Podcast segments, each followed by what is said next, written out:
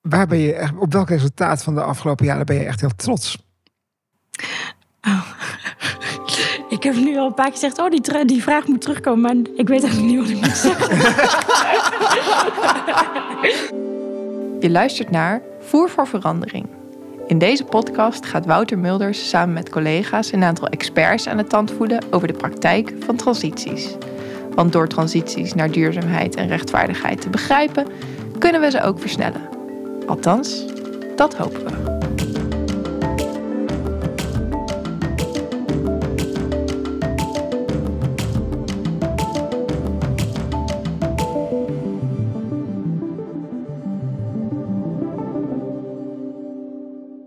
Welkom bij het tweede seizoen van Voer voor Verandering. Ik ben nog steeds Wouter Mulders en in het eerste seizoen heb ik samen met Injo Notemans allerlei transitiewetenschappers aan de tand gevoeld over fundamentele verandering. In die gesprekken kwam naar voren dat je om fundamentele verandering goed te begrijpen een model kunt gebruiken. Klinkt dit nou helemaal nieuw voor je?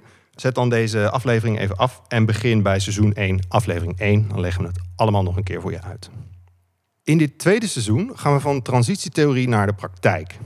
Uh, ik reis het hele land af met elke keer een andere sidekick om verschillende veranderaars te spreken over hun praktijkervaring. Ja, en dan proberen we er eigenlijk achter te komen hoe werkt fundamentele verandering nou echt? En vooral, aangezien we die gasten gaan spreken, willen we hun vragen: hoe werk jij aan transities vanuit jouw rol? En wat hebben de luisteraars daar aan? Vandaag gaan we het hebben over burgers in de voedseltransitie. En dan een keer niet over die overal aanwezige vegaburgers, maar over hoe je als individu of ondernemer kunt inzetten voor een eerlijker en duurzamer voedselsysteem. Daar hebben we een hele bijzondere gast voor gevonden.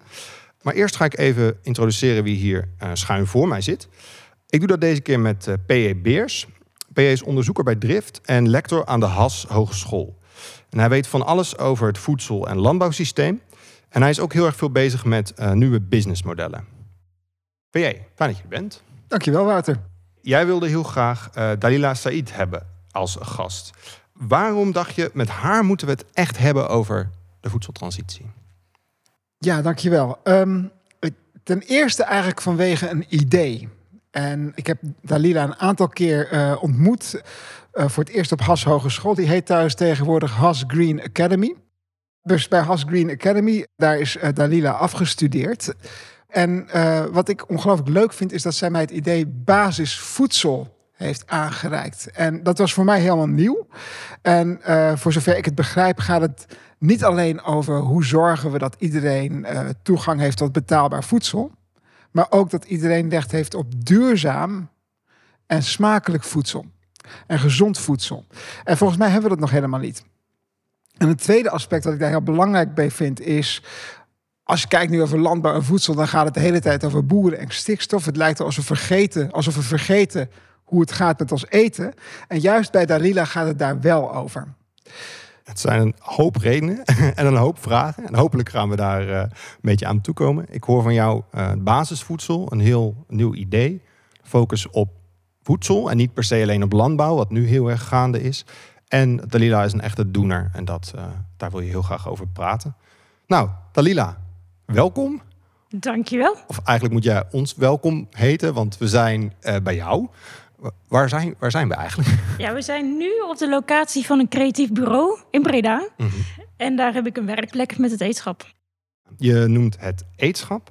Hoe ben je eigenlijk uh, begonnen met het, met het eetschap? En uh, hoe ben je er eigenlijk op gekomen om iets met de voedseltransitie te doen? Hoe ik er ben op, op ben gekomen? Uh, eigenlijk tijdens mijn studie op de HAS. Um, dat ik heel actief werd voor allerlei voedselbewegingen. En wat, ik, wat mij opviel is dat die bewegingen vaak wel heel, nou ja, best wel elitair waren. Het waren eigenlijk doorgaans witte studenten die, daarmee bezig, die zich daarmee bezig hielden. Witte mensen. Uh, met geld, uh, allemaal ook theoretisch opgeleid. En, en het was natuurlijk heel leuk en heel leerzaam voor mij ook. Maar ik merkte wel dat er een hele grote kloof was tussen uh, de, de bubbel waar ik me op dat moment in begaf. En de bubbel waar ik eigenlijk vandaan kwam.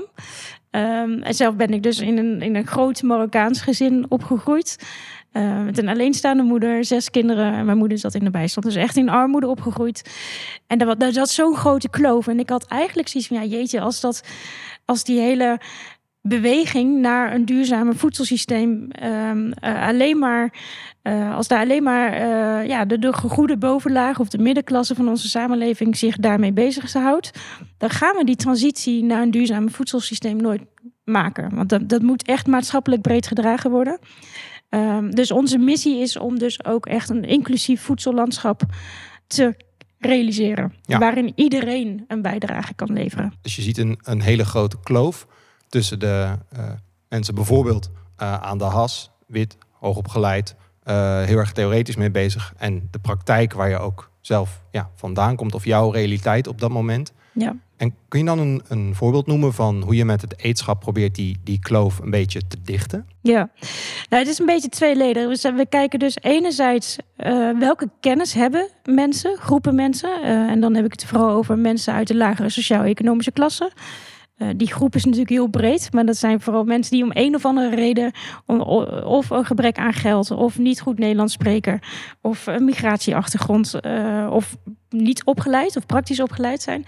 Um, om die redenen dus vaak geen aansluiting vinden bij de samenleving. Um, en we kijken eigenlijk welke specifieke kennis zit daar nou in, in die groep. En hoe kunnen we dat inzetten om te werken aan een uh, duurzame voedselsysteem. En een voorbeeld daarvan is bijvoorbeeld, nou ja, als het gaat om voedselverspilling. Ik bedoel, wie weet als geen ander hoe je zo min mogelijk voedsel kunt verspillen. Dat zijn mensen die geen geld hebben. Uh, of die elk dubbeltje moeten omdraaien om uh, ervoor te zorgen dat er genoeg eten is. Mm -hmm. Um, en alle, alle monden in het gezin te voeden. Dus die kennis, die, die, die, die halen we op. En we kijken dus hoe we dat kunnen inzetten. Um, maar we kijken tegelijkertijd ook wat hebben die mensen nog meer nodig. Want het zijn wel mensen die vaak te maken hebben, hebben met um, multiproblematiek. Uh, dus wij zijn niet alleen bezig met dus die kennis ophalen, maar we kijken ook hoe kunnen we goed eten stimuleren.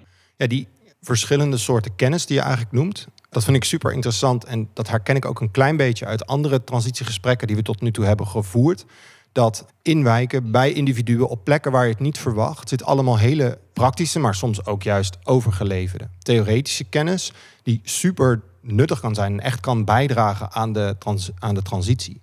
Um, en je noemt ook die multiproblematiek. Wat bedoel je precies met multiproblematiek? Ja, Uh, nou ja, mensen uit de lagere klasse, mm. die hebben vaak ook met armoede te maken. Die hebben vaak te maken met eenzaamheid, met uh, moeite hebben met le taal, lezen en schrijven. Um, dus naast dat, dat wij uh, goed eten stimuleren, wij, ik geloof heel erg, je, je kunt wel roepen mensen moeten gezonder of beter eten, maar het heeft geen zin als het thuis gewoon heel veel speelt. Um, en dat is wat we dus ook doen. Wij ontwikkelen interventies en programma's waarin we eigenlijk al die facetten meenemen. Dus onze programma's gaan niet alleen maar over hoe je gezond kunt eten of hoe we kennis van andere mensen kunnen inzetten om, uh, om te werken aan een duurzame voedselsysteem. Het gaat ook over hoe kun je met zo weinig mogelijk geld omgaan. Of, hoe ga je met geld om? Uh, hoe kun je eenzaamheid tegengaan? al dat soort dingen. Dus het is heel breed wat we doen. Mm. Wat mij, wat ik gewoon, wat mij heel aanspreekt in, in het verhaal, is wat je bij meerdere van deze transities hoort. Namelijk dat het niet alleen gaat om energie of voedsel, maar dat je die transitie maar heel moeilijk voor elkaar krijgt als het niet ook rechtvaardig wordt. En dat is precies wat ik ook in jouw verhaal hoor, Dalida. Ja, ja dat klopt. En je noemde net die, die projecten waarin je dus die multiproblematiek aanpakt. En je begint bij voedsel, maar er komen allerlei andere dingen bij kijken ik zag op je website dat de projecten die het eetschap doet allemaal hele interessante, spannende namen hebben. Kun je een van die projecten misschien een klein beetje beschrijven? Dat geeft ons misschien nog een ja. iets beter beeld. Uh, nou ja, wortelschieten is een heel mooi voorbeeld. Nice. Um, en wortelschieten, we weten wel allemaal wat het betekent. Dat je wortelt, uh, wortel schiet. Mm -hmm. En dat is een uh, programma waarin we ons voornamelijk richten op nieuwe Nederlanders. mensen die nog niet zo lang in Nederland wonen. die voelen zich natuurlijk vaak ontworteld. En die hebben heel veel kennis over, nou ja, bijvoorbeeld Eritreërs. Die hebben heel veel kennis over plantaardig eten. Ze eten twee dagen in de week alleen maar plantaardig. Dus die kennis die kunnen wij in Nederland heel goed gebruiken. Want wij eten steeds minder vlees. Vooral de industrie is op zoek naar plantaardige alternatieven. Um, maar ook in gesprek met hen uh, kwam ik erachter dat ze heel veel behoefte hadden aan contact met Nederlandse leeftijdsgenoten. En dat nou ja, vaak was dat contact nog heel functioneel. Dus um, we hebben een groep uh, nieuwe Nederlanders gekoppeld aan studenten van nou, in dit geval ook de HAS. Um, tien weken lang zijn ze samen op pad geweest, maar ook samen eten, samen koken. Uh, op bezoek bij de boer geweest. Uh, allerlei activiteiten om die kenniswisseling onderling uh, te stimuleren. wij geloven ook heel erg in gelijkwaardigheid. niet dat er iemand voor de groep staat en vertelt hoe het moet, maar we kunnen van elkaar leren. Nou ja, en, en door die kennisuitwisseling hebben ze met elkaars, ja, hoe zeg dat? Kennis, ervaringen, hebben ze uiteindelijk de opdracht gekregen om een, aan een vraagstuk te werken. En dat was in dit geval een nieuw plantaardig product uh, ontwikkelen. Uh, dus dat hebben ze ook gedaan, maar daar hadden ze ook elkaars kennis voor nodig. En dat draagt dus ook bij aan de participatie van nieuwe Nederlanders. Bij het vergroten van de taalvaardigheid, het vergroten van voedsel- en gezondheidsvaardigheden, het beter leren kennen van de fysieke omgeving. Uh, maar ook de beeldvorming. Het zijn voornamelijk studenten die nog nooit eerder überhaupt een gesprek hebben gevoerd met mm -hmm. iemand van kleur. dus het draagt ook daaraan bij. Ehm, ja nou ja, dat Goed, eigenlijk. Ja. ja. Ik uh, ga meteen in mijn hoofd gaat een soort lampje aan als je praat over die gelijkwaardigheid en die verschillende bronnen van kennis, zeg maar. Want dat is eigenlijk ook in het mini waarom wij nu hier zijn, zeg maar. Waarom we niet op drift alleen maar mensen van de Erasmus aan het interviewen zijn. Dus dat, dat klikt opeens bij mij van, oh ja, daarom zijn we ook hier. Nu hoor ik dat verhaal van jou, over die jongen, jongeren uit Eritrea. En ja, dat hoor ik op die manier ook weer. En zo krijg je weer wat extra kennis. Um, dus ja, dat, uh, dat spreekt me wel aan. PJ, wil jij nog iets vragen? Nou, ik, ik, ik, ik, vind het gewoon hele mooie voorbeelden. Ik ben heel erg benieuwd wat. Um, ik heb eigenlijk twee vragen. Ik, ten eerste ben ik gewoon heel erg benieuwd naar. Uh, ik, zou heel graag willen weten van wat, wat is nou echt een resultaat waar jij heel erg trots op bent. Uh, dat je met het wetenschap hebt gerealiseerd. En ik ben ook heel erg benieuwd wat, waar jij tegen tegen oploopt? Ja, dan begin ik met je tweede vraag. Uh, waar we tegen aanlopen. Nou, het systeem is heel erg, uh, hoe zeg je dat? Uh, denkt heel erg in hokjes. En aangezien wij met onze programma's zitten, wij, ja, wij zijn gewoon niet in een hokje te vatten. Want we, zitten, eh, we zijn actief op het snijvlak van, snijvlak van inburgering en participatie, van onderwijs, uh, voedseltransitie, uh, gezondheid, sociaal domein. En dat maakt het dus heel lastig. En vooral wij zijn van, als stichting zijn we afhankelijk van subsidies. Um, maar ook die subsidies en die fondsen, uh, die, zijn, die denken ook allemaal in kaders, in, in hokjes. Ja. Um, dus wij vallen, er, wij vallen in alle hokjes, maar ook weer net niet. En dat is ook vaak voor fondsen een reden om te zeggen: nee, uh, uh, vraag maar subsidie aan bij een groen fonds, want je doet ook iets met voedsel en landbouw.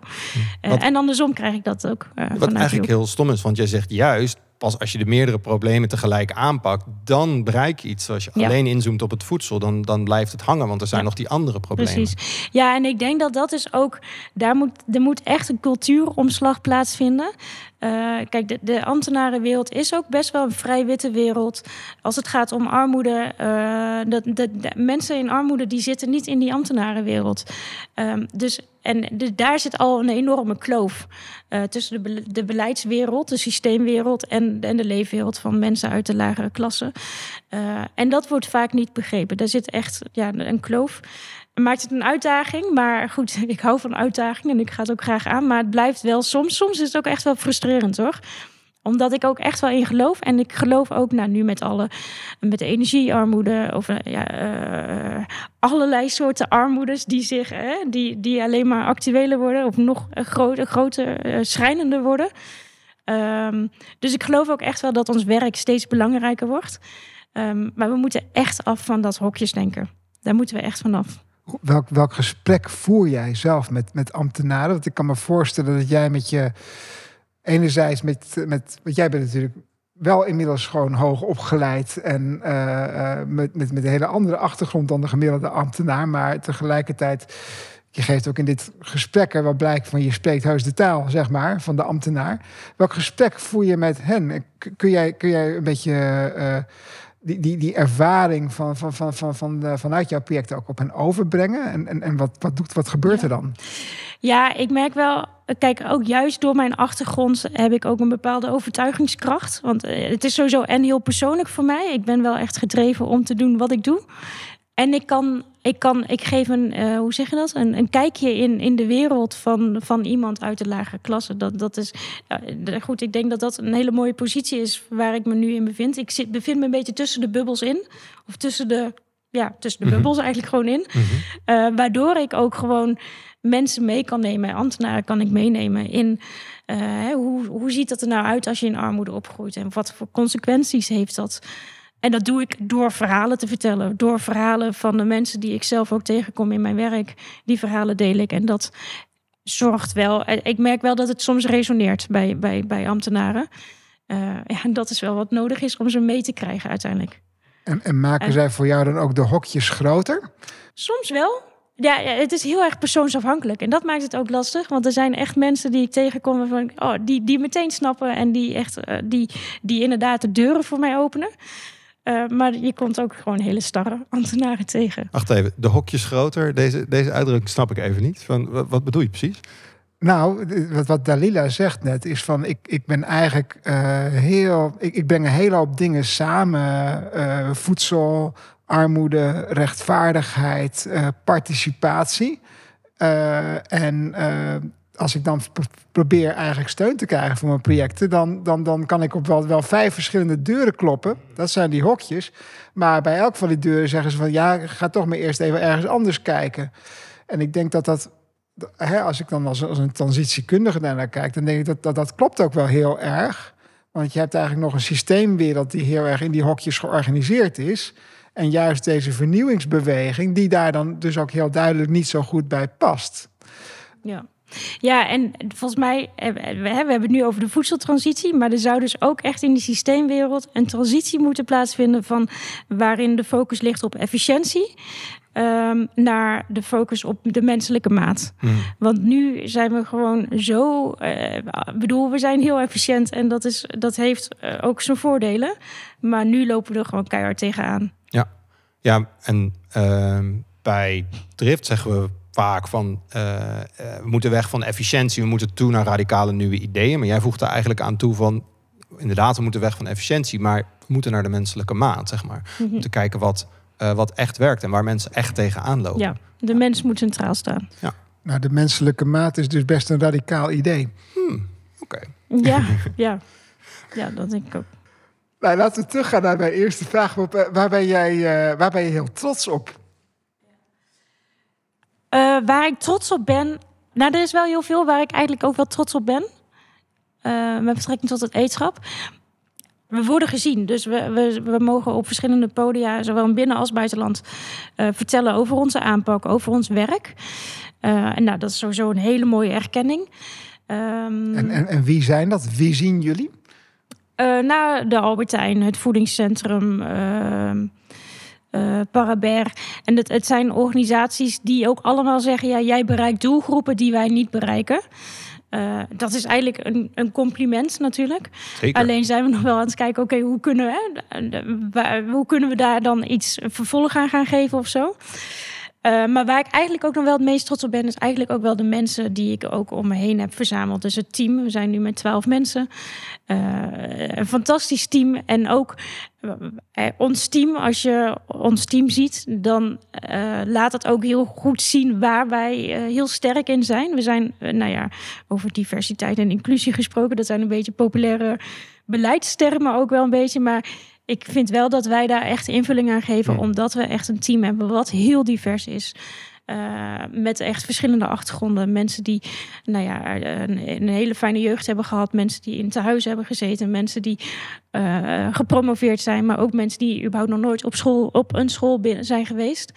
Um, maar wat mijn team wel echt gemeen heeft... is dat ze allemaal cultuursensitief zijn. En ik vind dat ook een hele um, belangrijke misschien wel essentiële eigenschap om ook het contact te leggen met die verschillende bubbels eigenlijk. Um, en daar ben ik echt wel heel trots op, want dat maakt dat we goed zijn in ons werk. Mooi. Het laatste waar ik eigenlijk benieuwd naar ben, is hebben veel van jou gehoord.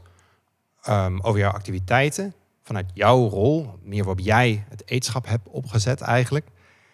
En- En ik vraag me af, voor luisteraars die op een hele andere plek zitten. Die werken misschien bij een gemeente of in een bedrijf. Of ze zijn actief in een buurt.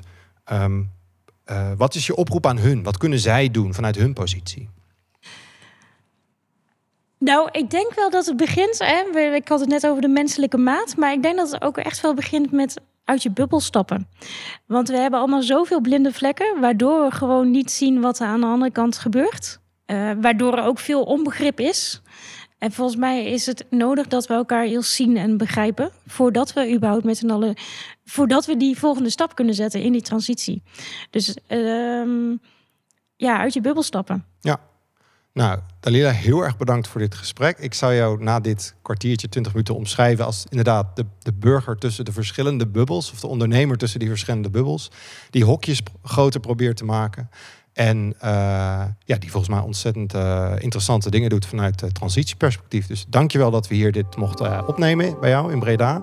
En uh, dankjewel PJ voor jouw uh, interviewkwaliteiten. Ja, vooral dankjewel Dalila. Jullie vooral. ook bedankt, heren.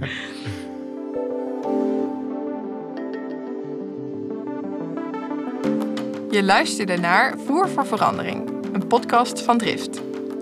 Wil je niks missen? Vergeet dan niet te abonneren. En wil je nog meer weten over transities? Ga dan naar drift.eur.nl.